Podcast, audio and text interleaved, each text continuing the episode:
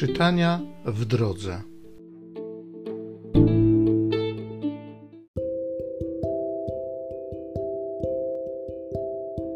Z księgi proroka Malachiasza. Tak mówi Pan Bóg.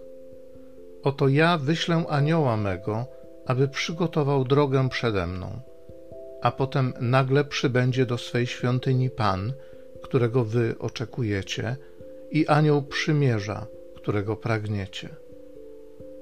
Oto nadejdzie, mówi Pan zastępów. Ale kto przetrwa dzień jego nadejścia i kto się ostoi, gdy on się ukaże? Albowiem on jest jak ogień złotnika i jak ług farbiarzy.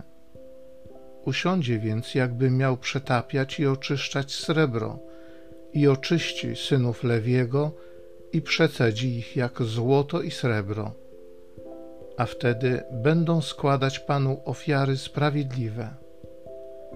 Wtedy będzie miła Panu ofiara Judy i Jeruzalem, jak za minionych dni i pradawnych lat. Oto ja poślę wam proroka Eliasza przed nadejściem dnia pańskiego, dnia wielkiego i strasznego.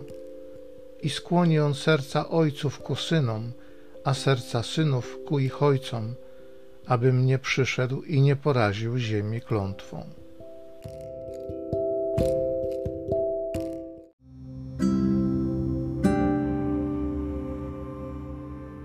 Z Psalmu 25.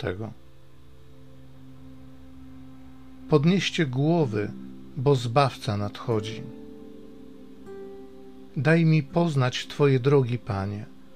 Naucz mnie chodzić Twoimi ścieżkami prowadź mnie w prawdzie według swych pouczeń. Boże i Zbawco, w Tobie mam nadzieję. Dobry jest Pan i łaskawy, dlatego wskazuje drogę grzesznikom. Pomaga pokornym czynić dobrze, uczy ubogich dróg swoich. Wszystkie ścieżki Pana są pewne i pełne łaski dla strzegących Jego praw i przymierza Bóg powierza swe zamiary swoim czcicielom i objawia im swoje przymierze. Podnieście głowy, bo Zbawca nadchodzi.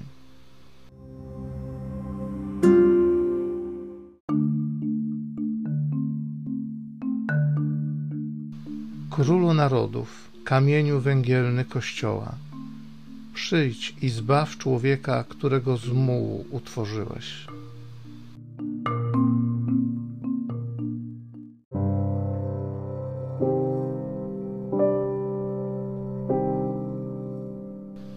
Z Ewangelii według świętego Łukasza.